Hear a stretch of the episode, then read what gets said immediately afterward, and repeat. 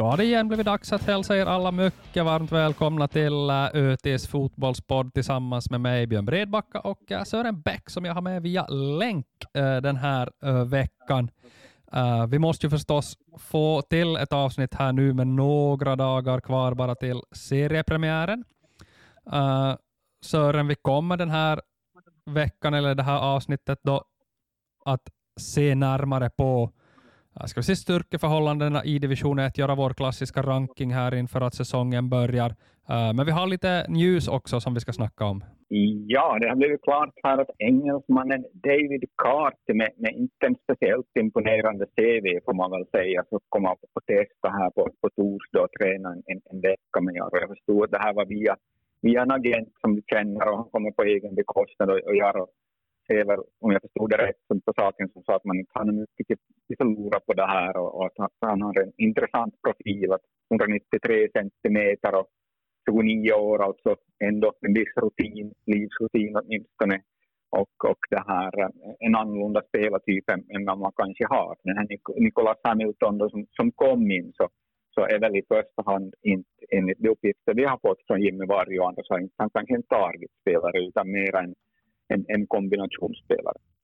Ja, det här var ju ett ganska intressant namn får man nog säga. Jarro har ju letat väldigt långt ner i seriesystemet, känns det som, för att, för att hitta det här. Alltså, det, liksom utanför League 2 i, i Skottland, så det blir ju i princip då femte serienivån, Highland League, eller om det var Lowland League, men no, någon, någon sån här mer regional liga senast att spela i Coden Beth, eller Coden Beth. Beth faktiskt är ju, är, var ju i, i det här League 2 och där var ju faktiskt Mikso Paatelainen tränare i tiderna.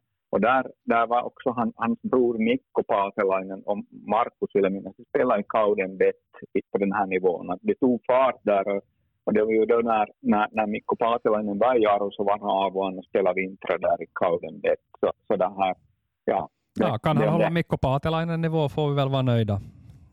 Ja, absolut. Att, att det där Mikko Paasilainen, ähm, äh, han, han, han, han var ju bra, bra när han var i Jaro. Äh, var det en Kotka-match som han gjorde? Hur många mål var det? Jag tror det var fyra. Fem? Fyra eller fem. Kan till och med varit fem. Att Jaro skulle ha lagat sex mål sammanlagt och han lagade fem. Det var något sånt. Mm.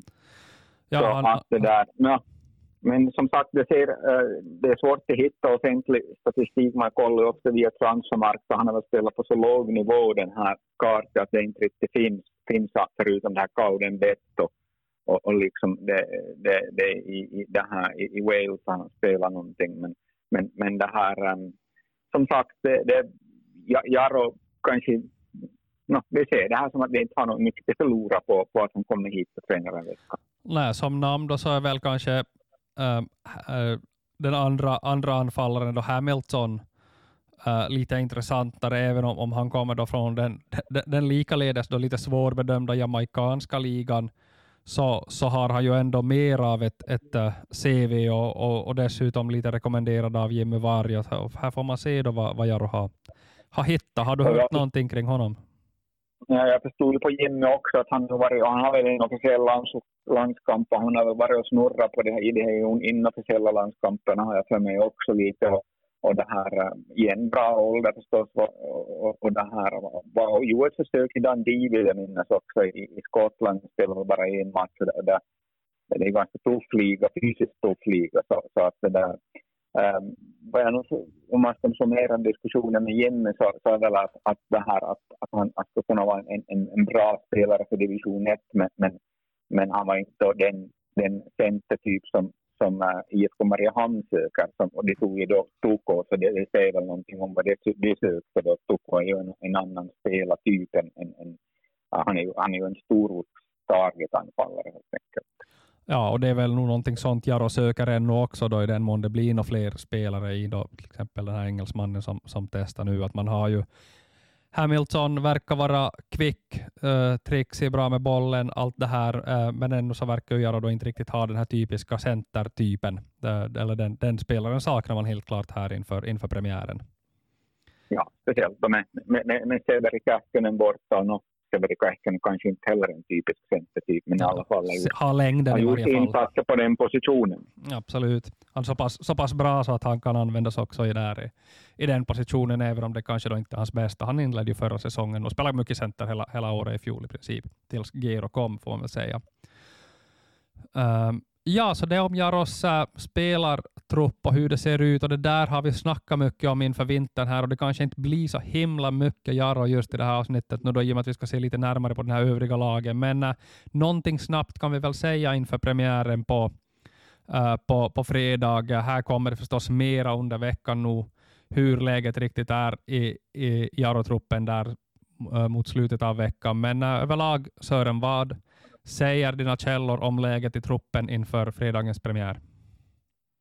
Ja, det finns förstås en nervositet, viss nervositet efter all, alla de här sjukdomsfallen som dök upp efter den här kalla Vasamatchen. Att, att det här hur pass återställda är den här stora bulken av spelare där då efter det. Och det är ju inte spelarmatcher, det har ju haft en paus med matcher. Så det, det, det, det, det gör ju att det, det är kanske mera frågetecken än vanligt inför en premiär.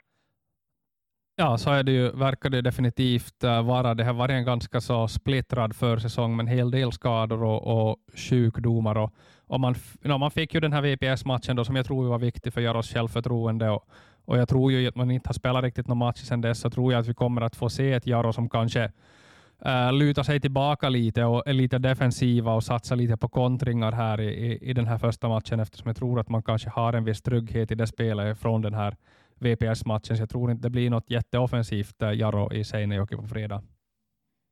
Kan mycket väl vara och, och, och SJK Akademi är ju ett lag som, som ska vara klara. Det var ju i princip det här är typen av spelare som håller igång året runt. De var, de var redo redan i januari kan man väl nästan säga, fast de då har haft problem på tränarfronten där med den entledigade Brian Page. Men, men, som sagt, de har, de har en tränarstab där att ta till så, så att det, det är inte speciellt frånvaro skulle jag bedöma på, på den fronten.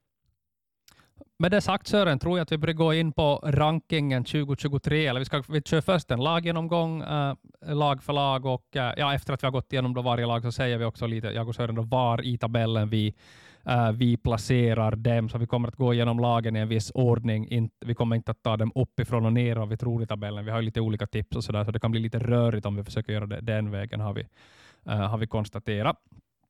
Uh, vi kan väl säga att, ja. uh, säg så mycket att årets division 1 spelas det här enligt samma modell i princip som i fjol, en dubbelserie och sen en övre slutserie med de sex bästa, en övre slutserie med de sex uh, sista lagen. Ettan stiger direkt, tvåan till fyran kvalar på samma sätt som i fjol. Uh, nytt är då att nya seriesystemet nästa år som gör att de nio första är klara för det här som vi kallar för superettan medan de övriga då åker ner till den nya division 1, så att säga, det som blir den tredje högsta nivån. Så ser spelsystemet ut i år och för Jaros del så har vi konstaterat att en plats bland de här sex bästa är en sorts uh, en klar målsättning får man väl ha och en plats bland de nio bästa är en sorts minimimålsättning. Uh, och då säger ja, han, så ja, det, jag säger någonting kring det här ännu.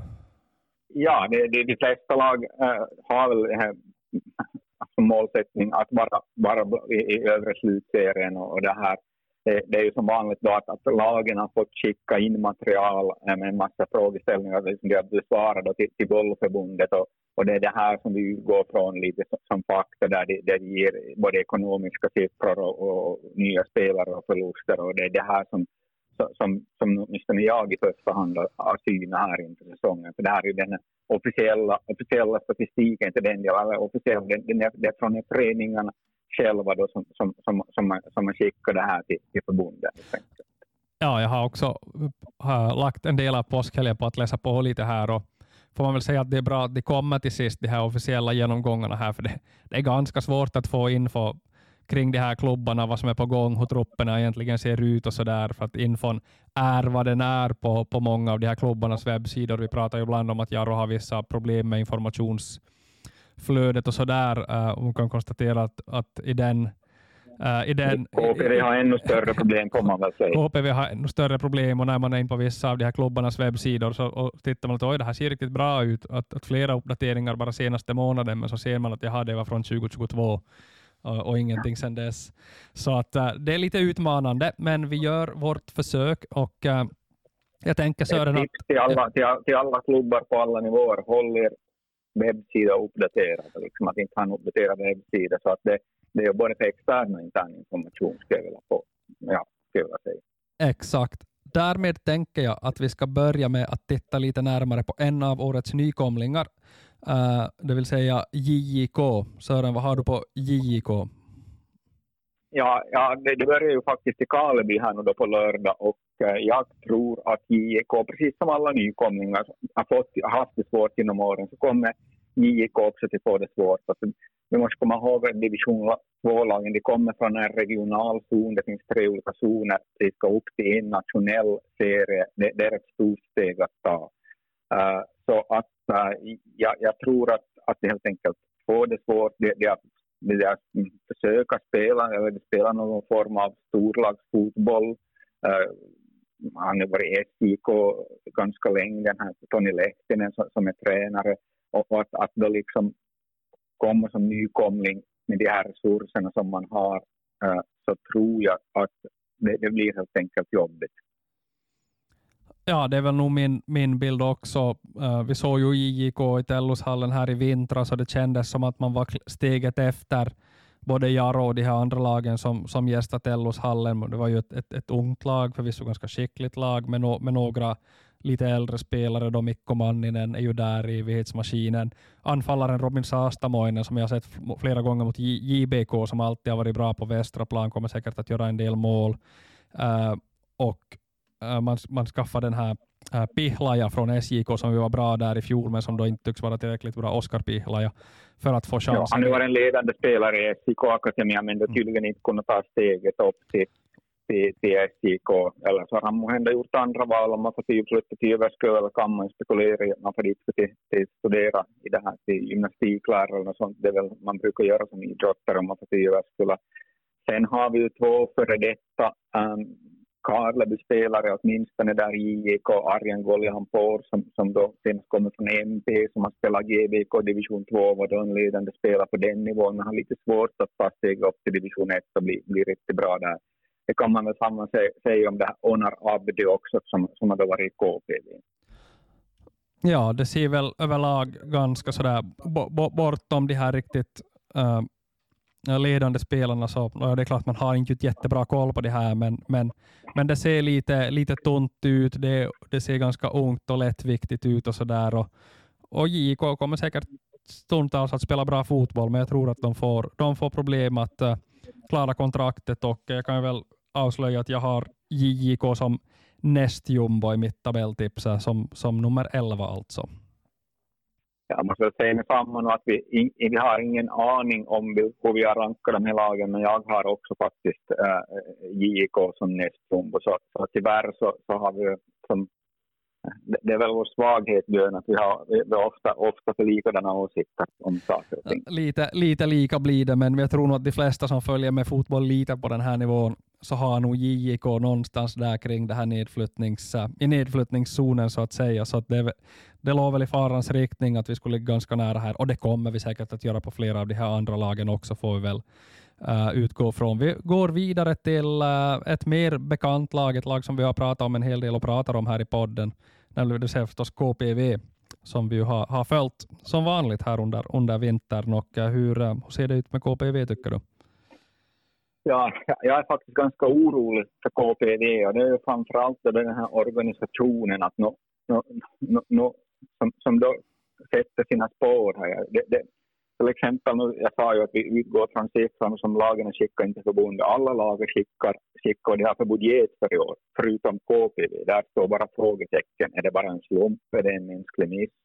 Men, men det, det, det är som ett exempel bara som dyker upp gång efter annan med KPV. Att jag, jag, jag, jag, alltså Christian Sunda Fysikela jobbar jättehårt som tränare. De kom igång tidigt med, med, med, det här, med, med träningen. Jag tror de har tränat bra vad jag har förstått. Spelarna är, är nöjda till den delen. De har flera etablerade spelare så, så, så de, de har som möjligheter att klara sig på den här nivån. Men, men jag, är lite orolig för den här organisationen post Matti Laitinen när man fick då allt serverat på silverfat. Nu, nu verkar det som bara som man inte riktigt äh, uh, ha, ha, ha, ha tillräckligt många som ska säga, mockar med samma frekvens som, som, som Lightning, äh, Sund och, och, Sipilä där på, på, i tränarstaben som, som, som lägger mycket energi in i det här vad jag förstått. Ja, det är väl nog ganska långt min, min bild också. Att jag var ganska optimistisk när det gällde KPV här i början av vintern. Det lät bra. Vi hade ju med Sund äh, här i, i podden och, och det här och, och, och precis som du är in på så det, det görs ett bra arbete. Alla som är med där i organisationen gör ett bra arbete, men, men de är alldeles för få. Eh, och, jag tycker nog också att det här på ett sätt, eh, man, man, har lite samma problem i, i truppen, att där finns eh, spets i den här truppen, men som Jarro har, har vissa problem med att det inte får bli, bli för många som, som saknas och är skadade, avstängda och så vidare, så har nog KPV ett ännu större problem här, att, att bredden där är snudd på obefintlig. Uh, man står och faller med spelare som Sebastian Manström och uh, Harris Chantzopoulos som inte helt enkelt får gå sönder, för då finns det liksom ingenting att ta till. Uh, och den här bredden, så gör, den här bristen på bredd gör nog att jag, KPV, uh, eh, eller att jag också är lite bekymrad för hur det ska gå för KPV den här säsongen. Ja, och, och då har vi en, en spelare som, som Chantsopoulos som varit i princip skadad hela vintern. Uh, precis som Byskata nästan, nästan, man kanske nästan har varit skadad sen han tog från Jaro. Och, och Sebastian Manström har Eh, håller ju sig bra i skick, men har ju av, av och an varit skador, haft skador också. Att vi kommer ju upp alltså det, det har åldern att deras kroppar är, är, hyfsat slitna. Alltså de, de har haft ett antal matcher. Så att, så att det finns orosmoment här. Och liksom, om det blir motgångar, då, hur kan en sån här organisation hantera en motgång? Uh, det, det, det, jag tror inte den här förmågan att hantera motgångar är speciellt bra. Ska vi säga. Nej, vi ska ju komma ihåg att KPV gjorde ett jättebra jobb i fjol äh, med Christian Sund i spetsen där så, så överraskar man ju, tycker jag. Äh, och det har vi varit inne på. Och, och då är frågan att hur långt räcker den här energin nu? För det har ju inte hänt speciellt mycket i KPV. Det är väldigt långt samma spelare. Någon enstaka har stuckit, någon enstaka har kommit till. Nyckelspelarna har blivit ett år äldre. Räcker energin till för att upprepa den fina prestation man gjorde i, för, äh, eh, i fjol. Jag är inte så säker på det. Uh, och Det gör att jag har rankat KPV nu som lag nummer nio. Uh, men med klar risk för att faktiskt dras in i den här bottenstriden. Och, uh, för min del, så som läget ser ut nu, så skulle det inte vara någon stor chock om KPV skulle åka ur den här serien. Om något av de här mina tippade tre bottenlag får en lite bättre träff och KPV får ett par motgångar, så kan det väldigt snabbt gå så. Ja, jag har, jag har tippat den på åtta faktiskt, så att, att vi ligger rätt nära varandra där igen. Ja, så att äh, KPV brydsam, äh, brydsam situation för KPV. Viktig match känns det som redan här till, äh, nu till, till premiärhelgen när man möter, ja. möter JIK. Det kan vara viktiga på, poäng på spel redan då. Absolut, jag pratade alldeles just här med Christian Sund lite om det här, liksom, det mentala spelet. Det är alltid en viss anspänning inför en premiärmatch. Uh, och här kommer ju då KPV som inte hade så mycket förväntningar på sig i fjol, men nu, nu kommer man in i en, en premiärmatch där man förväntas eh, dominera och vinna mot en nykomling. Och blir det inte seger, eller skulle det bli förlust till och med, så, så, det här, så, så blir det ju som jobbigt direkt. Ja, framförallt om man förlorar och tappar tre poäng till en, ett, en av de förväntade bottenkonkurrenterna så är det ju illa. Så att, äh, mycket, mycket på spel redan på fredag, eller lördag som KPV spelar på. Mm, absolut, ja. Så, så, att det här, äh, ja, det är en del till vara med från början helt enkelt. Fortsätter äh, med laggenomgången då och i alla fall för min del så, så håller vi oss kvar här i den här nedre regionen av tabellen. Äh, det är Kappa som är, är följande lag. Ja, det har ju varit liksom, Kappa har ju lite varit som Finlands motsvarighet till svenska Brommapojkarna blir ofta, blir ofta ansett vara kanske Finlands bästa, en av de bästa juniorföreningarna. Man har ju satsat i princip bara på juniorfotboll. Man har då haft ett lag som har varit oftast i division 2.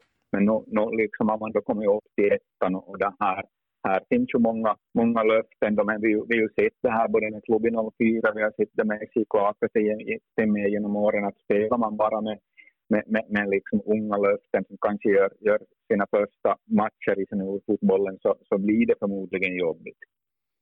Ja, det brukar ju, brukar ju bli det, som du är inne på, att det, var, det vanliga med den här typens lag är ju att de är väldigt bra ska säga, mellan, mellan boxarna, men, men sen i både defensivt och offensivt straffområde så saknas den här tyngden, kanske den här killerinstinkten för att avgöra de här matcherna. Att, att, att ofta ganska stort bollinnehav, Eh, en hel del småtrevligt spel, men, men där, så, så mycket mer än det så blir det inte alltid.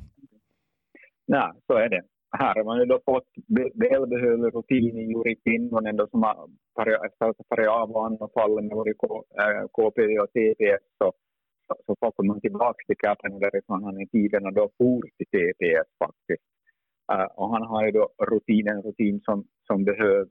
Äh, Patrik Forsman från Gnistan har väl spelat, spelat, spelat fyra, fem år i division 1, så sådana spelare blir då viktiga. Här finns det kanske en möjlig joker, den här Takanori Jokoshi som faktiskt, eh, han gjorde sju mål för, för 13 matcher för, för, för Mosa 2019 och han kom sen till KPV, men där, där, där blev han sen skadad och spelade aldrig. Han hade bristproblem, tror jag var, och haft skadeproblem, men han, han visar att han har en hög högsta nivå. Så kan han komma tillbaka till den här eh, typ Mosa-nivån så, så kan han ju bli ett joker, en joker för, för, för, ett sånt här lag.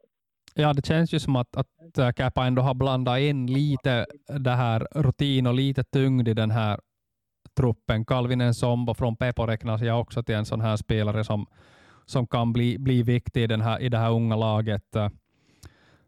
Uh, det oaktat så, så har jag också räknat Kappa som ett av lagen som åker ur.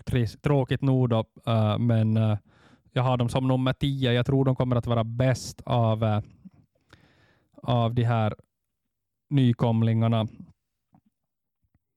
Nej, jag tror inte alls att de kommer, jag, tror inte alls att, ursäkta, jag tror inte alls att de kommer att vara bäst av nykomlingarna, men, utan näst bästa av nykomlingarna. Men jag tror att de får problem och jag har dem som nummer tio. Ja, jag har också som nummer tio faktiskt. Så tuff säsongen ja. tar även för, för Kappa. Uh, nästa lag då, tror jag Sören att du har kanske lite högre upp i tabellen än så här och det är TPS. Ja, TPS är ju ett annat lag som har gått av och an mellan divisionerna. Vi var inne lite här på fallet Juri Kinnunen och, och jag tror att vi fortsätter den resan. Att, att det här jag är tillbaka sin tidigare tränare, tidigare Jaro-tränaren som Mika Laurikainen. Han har tidigare tagit upp TPS så han har förutsättningar att göra det igen. Att ser man budgetmässigt så har det ju som överlägset största budget på, på, på 1,1 miljoner. Så, så där, där, ja, förutsättningarna tog det finnas och det här att vi då fått, fått en spelare som Alhaji Gero som vi Eh, åtminstone jag tyckte att, att, att hade en bra stigande trenden gör i höstas så tror jag kan bli jättefarlig här och, och göra mycket mål och göra mycket nytta för, för, för, för, för den här TP som också då tog, tog Mattias Kirikko.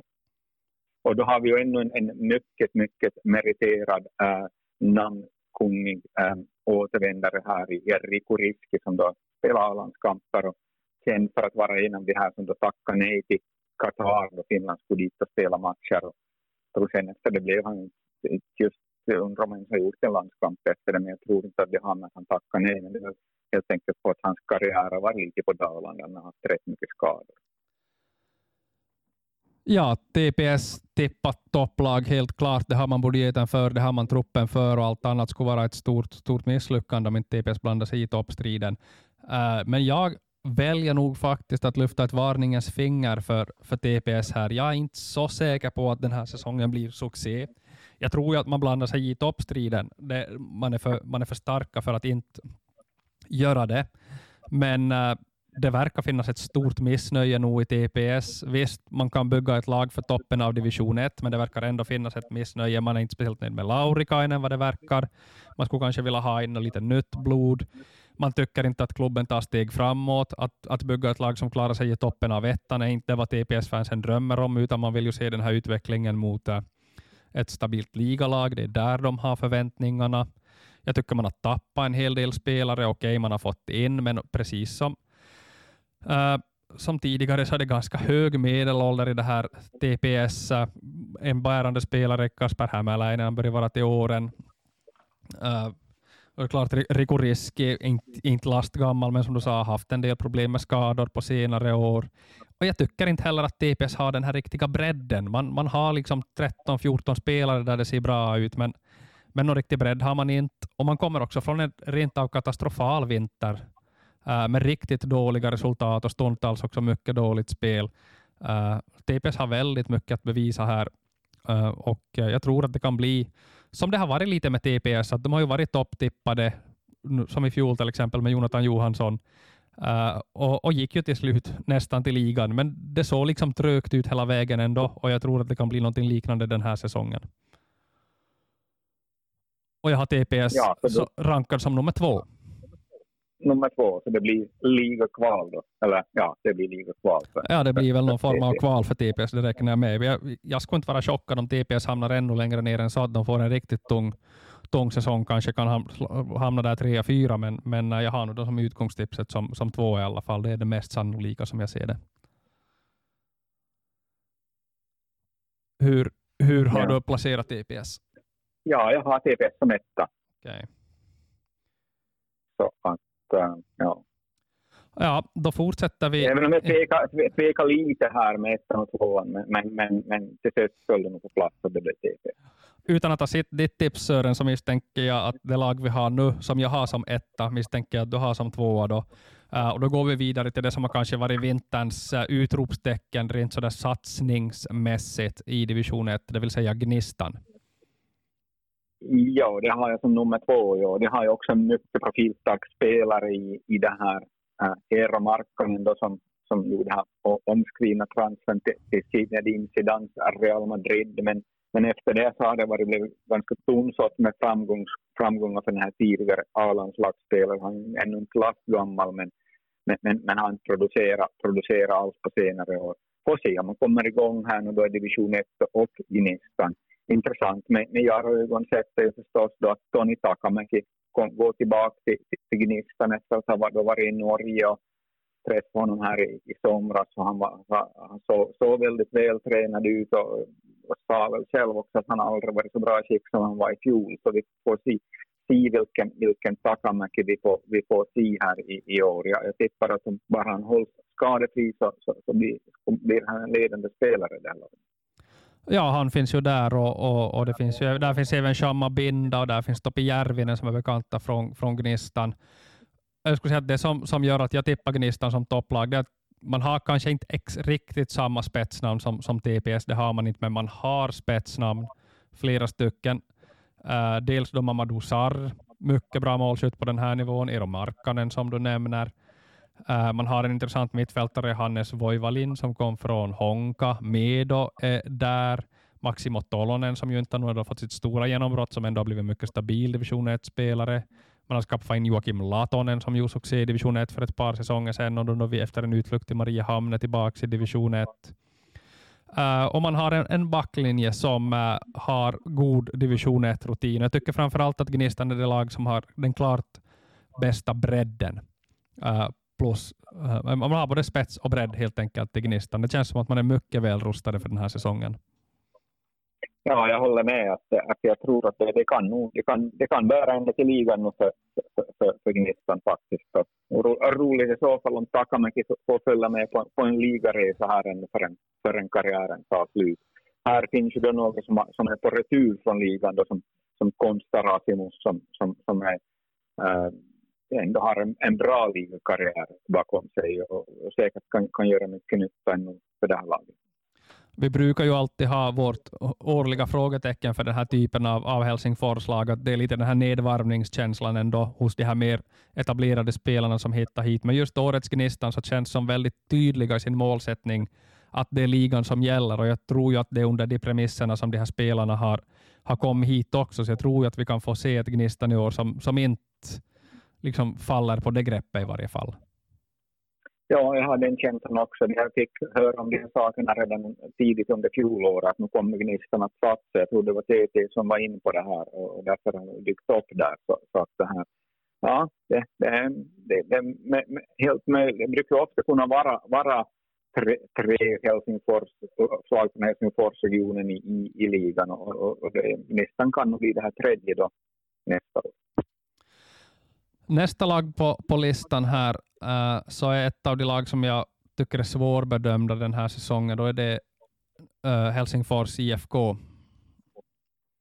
Ja, de, de har haft eh, vad var det, två eller tre spelare kvar från fjol, vilket å andra sidan kan vara en möjlighet och bra, för de hade ju ett, ett, ett väldigt jobbigt fjolår som, som Sergej Jeremenko också har varit inne på. Att, att de vann väl en match äh, och det här, där har vi då legender som Jukka Halm och Janni Bäckman som för övrigt också 21 år i Jaro så, så har, har slutat. Men då har vi då Paulus Arajuuri som, som kanske, ja, han måste vara den mest meriterade, liksom på något sätt no, förmodligen har väl kanske Kasper Hämäläinen en bättre CV, men det är inte speciellt länge sedan, äh, par, par år sedan som Paulus Arajuuri var, var A-landslagskapten. Äh, så att, äh, men han har ju haft stora problem med skador. Jag tror han spelade typ en halvlek med HJK eftersom det är klart för HJK i fjol.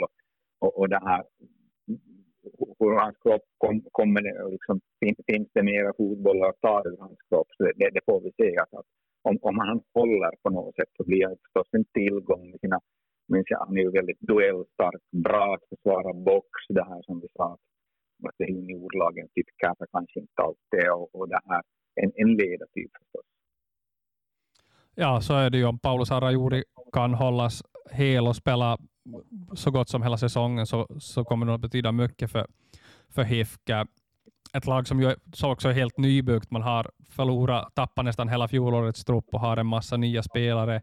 Det finns en hel del rutin från både division 1 och ligan. Uh, man skaffar nu då Sakari Tukiainen, målskytten, som jag tycker är svår att veta vad man riktigt har, hur han håller på den här nivån. Han kan säkert bli ett utropstecken.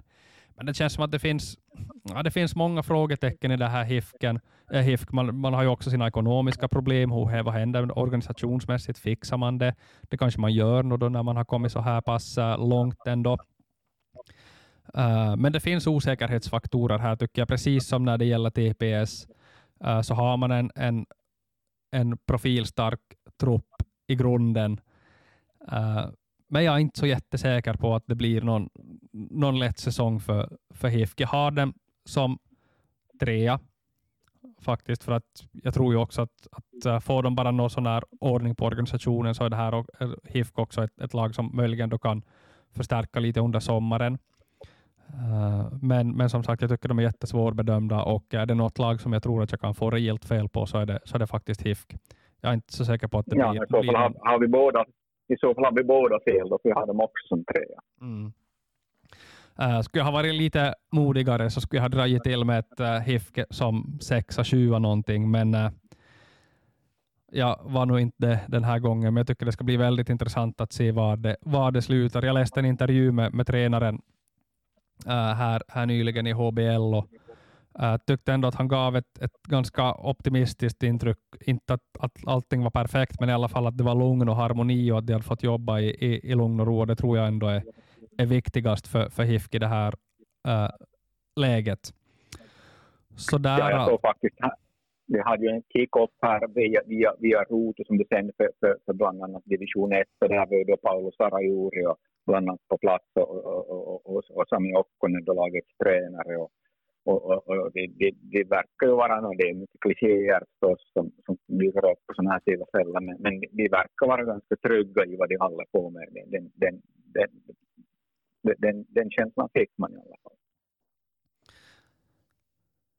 Ja, uh, vidare då.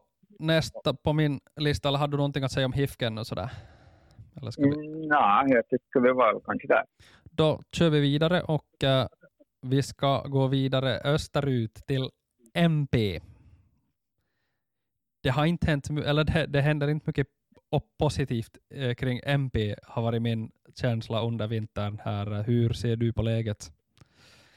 Ja, jag ser, jag ser jag tror att vi får, kan få det jobbigt. Jag har den här kanske klarast lysande kärnan i division 1 i fjol, Topi Keskinen som också gjort tio mål, for till HJK direkt började spotta in mål där, kommer med i, kom med i U21-landslag och allt. Alltså han var en, en starkt uppåtgående trend. Det kunde vi se, det minns både och vi satt i Telloshallen här för drygt ett år sedan och, och, och, och det här så, så hur Topi Keskinen sprang, sprang förbi Jaro-spelare som statiska slalomkäppar nästan Uh, så att det tappar en sån spelare förstås en, en, en väldigt stor förlust. Och, och det här är väl lite det som MP, MP liksom, ganska typiskt MP förstås, men det är ju förstås, det, det, så, så ser ju näringskedjorna ut i fotboll och det här jag, jag, tror att, att, vi, att vi kommer att få, få, få det väldigt svårt. Och, och det här, eh, ja, jag kan gå in på att jag faktiskt har tippat dem som jumbo. Ja, jag har också MP som jumbo. Det känns på något sätt energilöst i, i Sant Mikkel. Det är, du, du snackade om förlusten av Topi Keskinen. Den var ju självklar. Han var ju så bra att han, han gick raka vägen till HJK uh, eh, och, och, och det här. Uh, men, men då har man ju också tappat en profilspelare som Jonathan Dungeon som har varit viktig där på deras mittfält anfallaren Juuso Liukkonen, mittfältaren Juuso Tarvainen, äh, Joona Hiltunen som ju var viktig offensivt, Kevin Beugre. Uh, och så har man inte riktigt förstärkt tycker jag med spelare av, av, av no, någon som helst kaliber. Santeri Stenius på lån från Kotka är väl kanske det mest namnstarka. Han gjorde väl sex mål i ettan i fjol och blir nog viktig, uh, äh, viktig som anfallare i MP i fjol. Men, men den känns uh, profilfattig och trött och, och det här på alla sätt svag, den här truppen. Uh, det kommer att bli ett mycket snålt spelande MP i, i år med, med Juha Pasoja som tränare där som kommer att, att det här parkera alla bussar som finns i hela världen, i alla fall i hela östra Finland, känns det, känns det som. Och MP blir kanske inte roligast laget att, att möta, men de kommer att få kämpa för, för sina poäng och, och, och precis som dig så, så har jag dem som att sluta sist. Ja, det är väl just de här, just de här KTP-lånen som de, de får lite hoppas på. Uh, Stenius som sagt var, var ju hyfsat farlig djupledsspelare om jag minns rätt. Men, men, men det ser som sagt för, för tunt ut och, det, och det, det, det känns lite som att, att det här det var rätt nä, nära till, till, till ta steget ner under några år MP och, och det känns väl kanske som det är dags nu. Det kändes ändå som att de har tagit ett litet, litet steg framåt för varje år sedan de kom som ny, nykomlingar, men, men, men nu är det som att de ska ha åkt rakt in i väggen och, och, och ingenting har hänt. Får se om de har någonting som de kan överraska med, men, men på förhand sett äh, det svagaste, och tråkigaste laget i, i serien. Äh, till näst då så har vi Ekenäs, som vi ju snackade en hel del om förra veckan då vi hade med Peter Haglund. Ja, där fick vi ju Eh, insikter i, i Ekenäs som har tagit, tagit tillbaka sin tidigare tränare Gabriel Garcia Xatart. Han, han gjorde först väldigt bra i Ekenäs. Men Ekenäs måste man väl säga det har varit ganska snabb på avtryckare med sina tränare. De har inte speciellt bra tålamod om det börjar gå sämre. Nu har de tydligen tänkt om i den här, för nu får han komma tillbaka komma tillbaka och det här, ja, Ekenäs har igen haft en stor spelaromsättning Qatar hade sagt att han hade tre spelare som var kvar från 2019 när han var där senast. Så att, att det där. Men det brukar som sagt lyckas bra med, med nyförvärven, ähm, äh, Ekenäs. Och, ähm, där har det till tidigare storlöftet, eller som är lovande förstås, Tobias Fagerström som är som är sin, sin äh, han är, han är i Dragsvik för tillfället, sin militärtjänstgöring. Och så har de fått sådana här äh, spelare som man inte förstår att vi kan få, som Tabi Manga, äh, finsk mästare med Kups, bara 28 år i sin bästa ålder. Ja, känns ju äh, nästan lite som när Jaro värvade Pavle Milosavljevic. Ja, och en Kofi Adudo som vi var inne på som, som, som har senast i Mjällby men då spelar i, i det här Turkiet och Danmark och allsvenskan och, och, och, och i bra lag där. Så det, det är ju som äh, egentligen ja, spelare som hamnar fel i Mjällby men i alla fall att plötsligt dyker han upp i, i Ekenäs. Ja, äh, vi snackar kanske inte så värst mycket mer om Ekenäs än sådär. Vill, vill ni höra mer Ekenäs så lyssna på förra veckans avsnitt där vi pratade med Peter Haglund, där han då bland annat pratade om årets trupp och beskriver den som bättre än i, än i fjol. Jag slängde också i det skedet in brasklappen att han är jävig eftersom det är han som har byggt truppen. Men jag har i alla fall Ekenäs som nummer fyra. Precis som jag också har, jag, nummer fyra. Mm. Uh, och där Nej, tror jag att det, vi har faktiskt inte pratat oss samman. det kan vara svårt att Vi har tydligen ganska samma syn. Dock, dock skulle inte jag vara förvånad om, om Ekenäs gör en, en, en, en bra säsong och, och, och, kan mycket väl sluta tvåa före, före både HIFK och, och TPS. Uh, ett, ett modigare tips skulle kanske ha sett ut så, men, men uh, jag kanske ändå föll, föll tillbaka på, på någon sorts uh, klassisk logik och lägger Ekenäs som, som fyra. Får vi se då hur det, hur det håller. Nästa lag på min lista så är nykomlingen från Salo, Salpa. Ja, där, ehm, jag trodde kanske att de skulle ha större budgeter, budgeter än vad de uppger att de har. Ehm, budget 281 000, representationslagets budget 144 000. Ehm, Salo förknippar man med Nokia, Nokia undrar att där ska finnas pengar, men, men tydligen inte så jättemycket ändå för Salpa. Däremot har de ju tillgång till den här spelarmarknaden från Åbo som de, som de, som de har dragit nytta av och drar nytta av. Där finns Oskar Jakonen och Albion Mukasi som har spelat i TPS, Elmo Heinonen likaså. Eh, samtliga tre utmärkta division 1-spelare som, som jag ser på saken i alla fall om inte den har gått ner sig här under senare tid. Så att, eh, jag tror att, äh, ja, att, att de, har, de, har, de har hyfsade chanser att vara där och, och, och strida om, om nytt kontrakt. Ja, det tror jag också. Jag tror att Salpa till och med kan vara med och kämpa om en plats i övra, övra slutserien. Det känns ju som att laget har sina styrkor i offensiven, just med trion du, trion du är inne och nämner där, att det kan bli ganska målfarligt att möta, möta äh, Salpa. Sen får man se då hur pass det här det division 2, fjolårets division 2-försvar håller i ettan. Uh, ny spelare som är intressant är också då Valtteri Olsbo från SJK Akademi. Jag tyckte att han var helt okej okay där i, i fjol. Ja, ja, han har väl en typiskt på, på en ett typexempel på, på en, ja, han spelare som var bra i SJK Akademien men inte tillräckligt bra spets för att ta, ta steget upp till, till SJK. Då hamnar han tydligen i Salpa. Exakt. Salpa har jag som uh, på sjunde plats, precis utanför övre slutserien, men uh, de är där och hugger och kan mycket väl ta en plats i övre slutserien. Jag har dem som nia. Okej, okay, det första laget tror jag som vi har två som, som det skiljer två placeringar i varje fall mellan, mellan vår ranking. Det är uppfriskande. Uh, nästa lag på listan är uh, fjolårsnykomlingen Japs. Ja, Japs som är då uh, i samma sätt som Jarva för ett år sedan till den del att det är regerande mästare i division 1-cupen och det här och jag tycker att, att de, de, de har liksom förstärkt bra. De har fått in Jyrki Ahola som sin första heltidsanställda tränare. Samma Jyrki Ahola som har under många år gjort ett gediget fostrarjobb i Helsingforsregionen men som kanske är mest känd för våra lyssnare med att han var med och ledde AC Oulu till ligan 2020 i, i, i, i, det här, i, i kamp med, med, med bland annat Jaro. Uh, det som, det som då talar emot Jeps är väl kanske då att, att det här uh, att ja, eh, klubbikonen Alexi Ristola, bästa målskytten, det har blivit långtidsskadad. Och det kan också vara problematiskt. Det har varit rätt, väldigt rätlinjiga, ultrarätlinjiga Jeps så hade en väldigt klar identitet. Uh, nu vill Ahola nu införa ett mera spelande, dynamiskt på något sätt din Japs och det här. Uh, lyckas man med, med det här eller inte, blir det för snabba ändringar för snabbt? Så det finns vissa frågetecken jag håller med. Uh, ja, det här Japs var ett av de lagen som när jag började se på det här tidigare i vintras och fundera på placeringar och sådär, så, så är väl Japs tillsammans med KPV det lag som på något sätt börjar lite högre upp och har åkt ner lite för att jag tycker inte riktigt att, att det här lagbygget har utvecklats utan man, man rivstartar lite och sen har det liksom kommit av sig uh, och sen då så, så det här så tappar man ju då Alexi Ristola. Jag tror det betyder jättemycket, dels för målfabrikationen men också för, för laget som helhet. Man tog in då Eero Tamminen från IFK Mariehamn som ska ersätta honom. Helt bra spelare, men jag ser inte honom som samma typ av liksom killer som, som Ristola ändå var och, och, och så otroligt viktig som Ristola var för det här laget.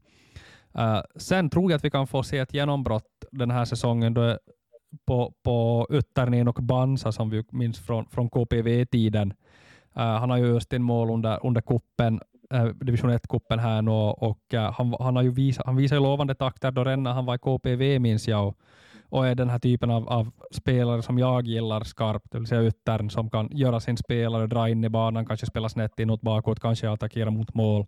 Eh, men här tror jag att, att det, det, om får han det stora genombrottet, då kan det gå riktigt bra för Japs. men då, ja, det Ja, det är många som har hunnit avskriva bandet. Han var ju det stora, stora pojklöftet som i HJK, men som, som aldrig riktigt break. Han var utlånad till KPV-ligan och varit i Ropsa, Oulu, Raufors och nu är han, nu är då, han då äh, här i, i Japs och har tydligen fått till gjort en handfull mål här på försäsongen och, och det här, får se om, om, om, om, om han det här kan, kan vända sin, den här negativa trenden som han har haft på sin karriär.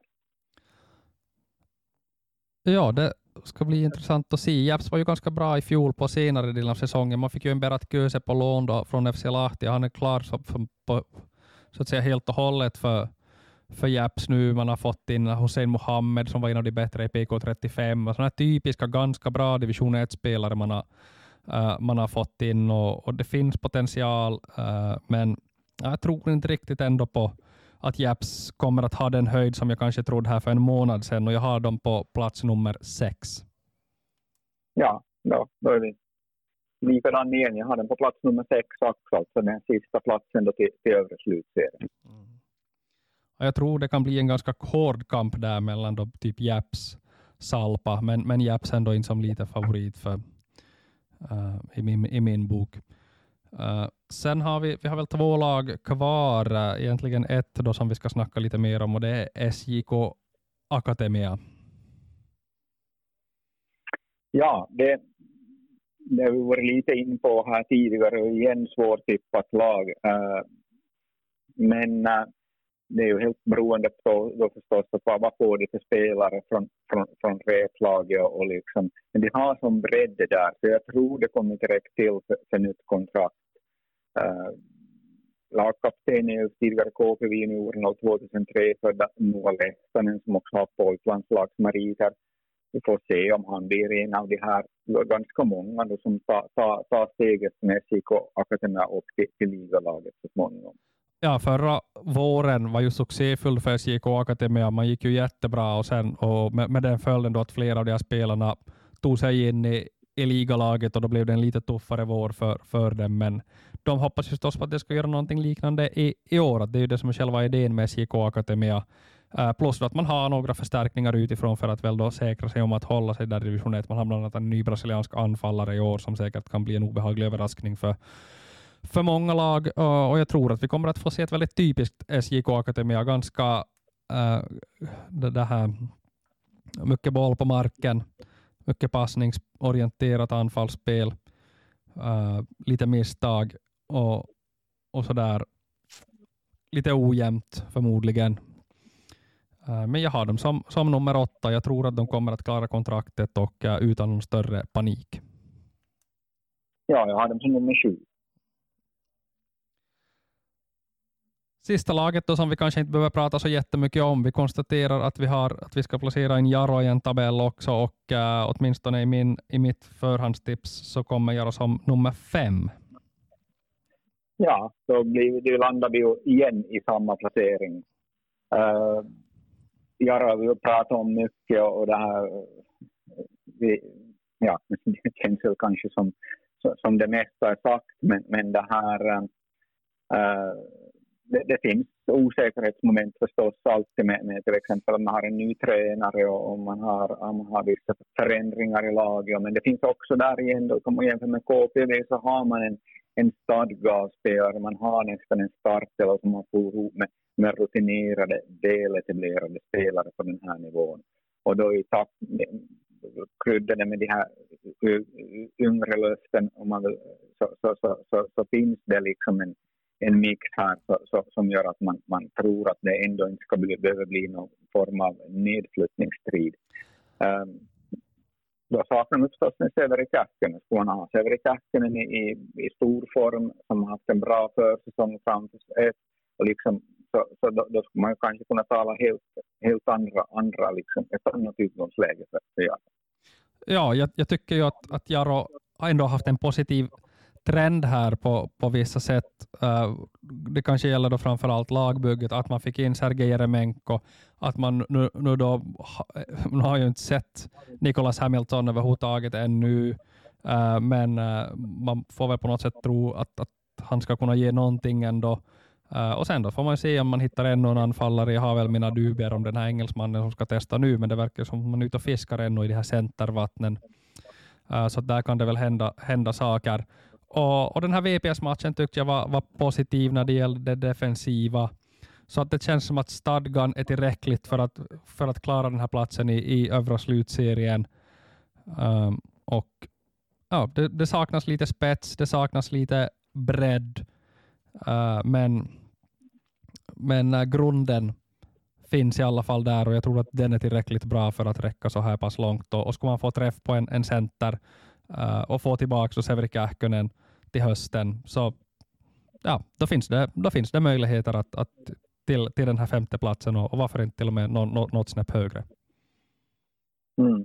Ja, så måste man ihåg att Steven Ward har varit bort väldigt länge från den här nivån. Faktiskt ända som tar som cheftränare får man väl gå till det här. Det här. Han, han, han ersatte väl Keijo Paananen i tiden han tränare i VT så var det 2003-2004. Sen har han varit då Uh, har varit bland annat assisterande tränare i, i Mariehamn och, och, och, och var, var han var sportchef och juniortränarchef och allt möjligt. Och sen var det på förbundet. Han är ju inte heller... Det här är ju... Det här är liksom, länge sedan han har, det finns ju ändå vissa resultatkrav på, på, på ett lag som Jaros representationslag. Och han har jobbat mera på, det här, på, på utvecklingssidan av fotbollen. Att nu ska det levereras liksom resultat. Så i viss mån så, så, så det är ju en, en det här, ja, det, det, det är en sits som inte kan ha varit på en tid. Nej, det är lite nytt och som vi har varit inne på, det är mycket som är nytt i Jaro i år och på fredagen så kommer vi att få i alla fall svar på några av våra äh, frågor här när det är dags för premiär i Seinejoki. Ni följer förstås den till exempel via Ja, eller via UT, det, där kommer det inför, där är det under matchen och där förstås snacket Eh, efteråt in på sajten. Äh, följ oss också på sociala medier så att inte ni missar någonting där. Äh, men då har vi rankat alla lag, Sören, och från 1 till 12. Känns det okej? Okay? Uh, det, det, känns okej. Okay. Uh, ja, att, uh, med, med, god hjälp av den här infon som, som, som lagen själva skickar in så, så det blir lätt en djungel man får man, det här källkritiken när man, när, man, när, man går in på diverse forum och, och, och, och twittrar och allt annat. Så, så, så det här och, så, så, så blir, men det känns väl lite tryggare att man har viss basfakta att typ utgå från det här som, som, som vi har syn, synat här nu i, i, den här, i det här samtalet. En sista tanke i den här podden då, så tycker jag faktiskt att, att när man går igenom ettan på det här sättet så tycker jag att den känns ska vi säga, mer och mer halvprofessionell och, och, och, och på något sätt mer och mer uh, svag jämfört med det är inte så speciellt många år sedan vi sett här och ranka ettor som bestod av ett profilstarkt Honka, ett Matti Laitinen satsande KPV, ett Jaro som skulle tillbaka till ligan, ett TPS, ett Ekenäs som var på gång. Uh, medan vi nu då liksom snackar om Gnistan och ett nästan konkursande HIFK och, och, och sådär. Och, och, och, går vi ner i tabellen så, så är det väldigt uh, anonymt. Ja, det, det, kan vara att, att, att, du har helt rätt i det. Bara, bara liksom tanken slog, mig när du sa det här att man hört på, på, på hur snacket gick där på, på den här eh, division 1 kickoffen här som, som direkt sändes i Roto så var det ju att, att, att, att division 1 är tuffare jämnare än någonsin, att det blir bara tuffare. Så, så, så, så går snacket i de kretsarna, men jag vet inte, är, är det här bara liksom marknadsföringssnack att, att, eller, eller vad är det? att, att eh, Um, jämnare kan den säkert... Jämnare kan den säkert vara. Blivit, ja, nivåskillnaden har blivit större än läste här alldeles nyligen en artikel om att, att ligalagen nu då får i tv-pengar och i, och i solidaritetspengar får, får en halv miljon per år med det här nya tv-avtalet. Att det här gör ju då att de här ligalagen rymmer ytterligare eh, Alltså en halv miljon, vi pratar ju ungefär vad de här lagen typiskt kan ha, ha, ha som total liksom, som omsättning kommer en extra inkomst som, som de här lagen, som, som ligalagen har. Så, så till exempel för, för ett VPS så är det, det här absolut kritiska och viktiga pengar. Att, att, att för, för, för VPS skulle ha helt andra verksamhetsförutsättningar utan den halv miljonen och utan den här ligaplatsen. Så att, att det blir som jätteviktigt att behålla den här platsen och TV-pengarna är ju mycket mindre. Vi vet ju vad det kan vara i England, där det är jättestora belopp. Men också i, nu har jag nog förstått, i Sverige och Norge så pratar vi väl en, en par miljoner per klubb i, i storleksordningen. 20 miljoner kronor vad jag har förstått. Så, så där är ju ännu större skillnad. Men vi är på väg i den riktningen och det, här, det, det finns ju då en, en risk att det här cementerar skillnader om man inte man är med i det här resan. Ja, det min, min känsla är nog också att, den här, att det, det växer, de här skillnaderna mellan, äh, mellan lagen och det blir allt svårare för de här division 1-lagen att ta upp. Och vi ser också hur svårt det är för division 2-lagen att komma upp till, till ettan mer regel än undantag att de åker, åker raka vägen ur. Vi får väl se om det här nya spel, eh, äh, spel eller vad ska vi säga, seriesystemet med, med en superetta på något sätt kan jämna ut det här och, och göra, det, göra det enklare för, för de här klubbarna på an, andra nivån att hävda sig. Det återstår att se. Det är ju inte alltid som de faller väl ut, det här bollförbundets förnyelser av spel äh, seriesystem. Äh, rent teoretiskt så är det väl så att den här förnyelsen borde leda till att skillnaden mellan det som nu är division 1 och division 2 blir mindre. Det är väl där som jag tror den... Att, att, att, för det har ju också, som vi har varit inne på här, det har varit svårt på de här lagen som stiger från tvåan att, att etablera sig i ettan, att hålla kvar ens ett år, för att inte tala om att man skulle bli liksom vara där på, i många år.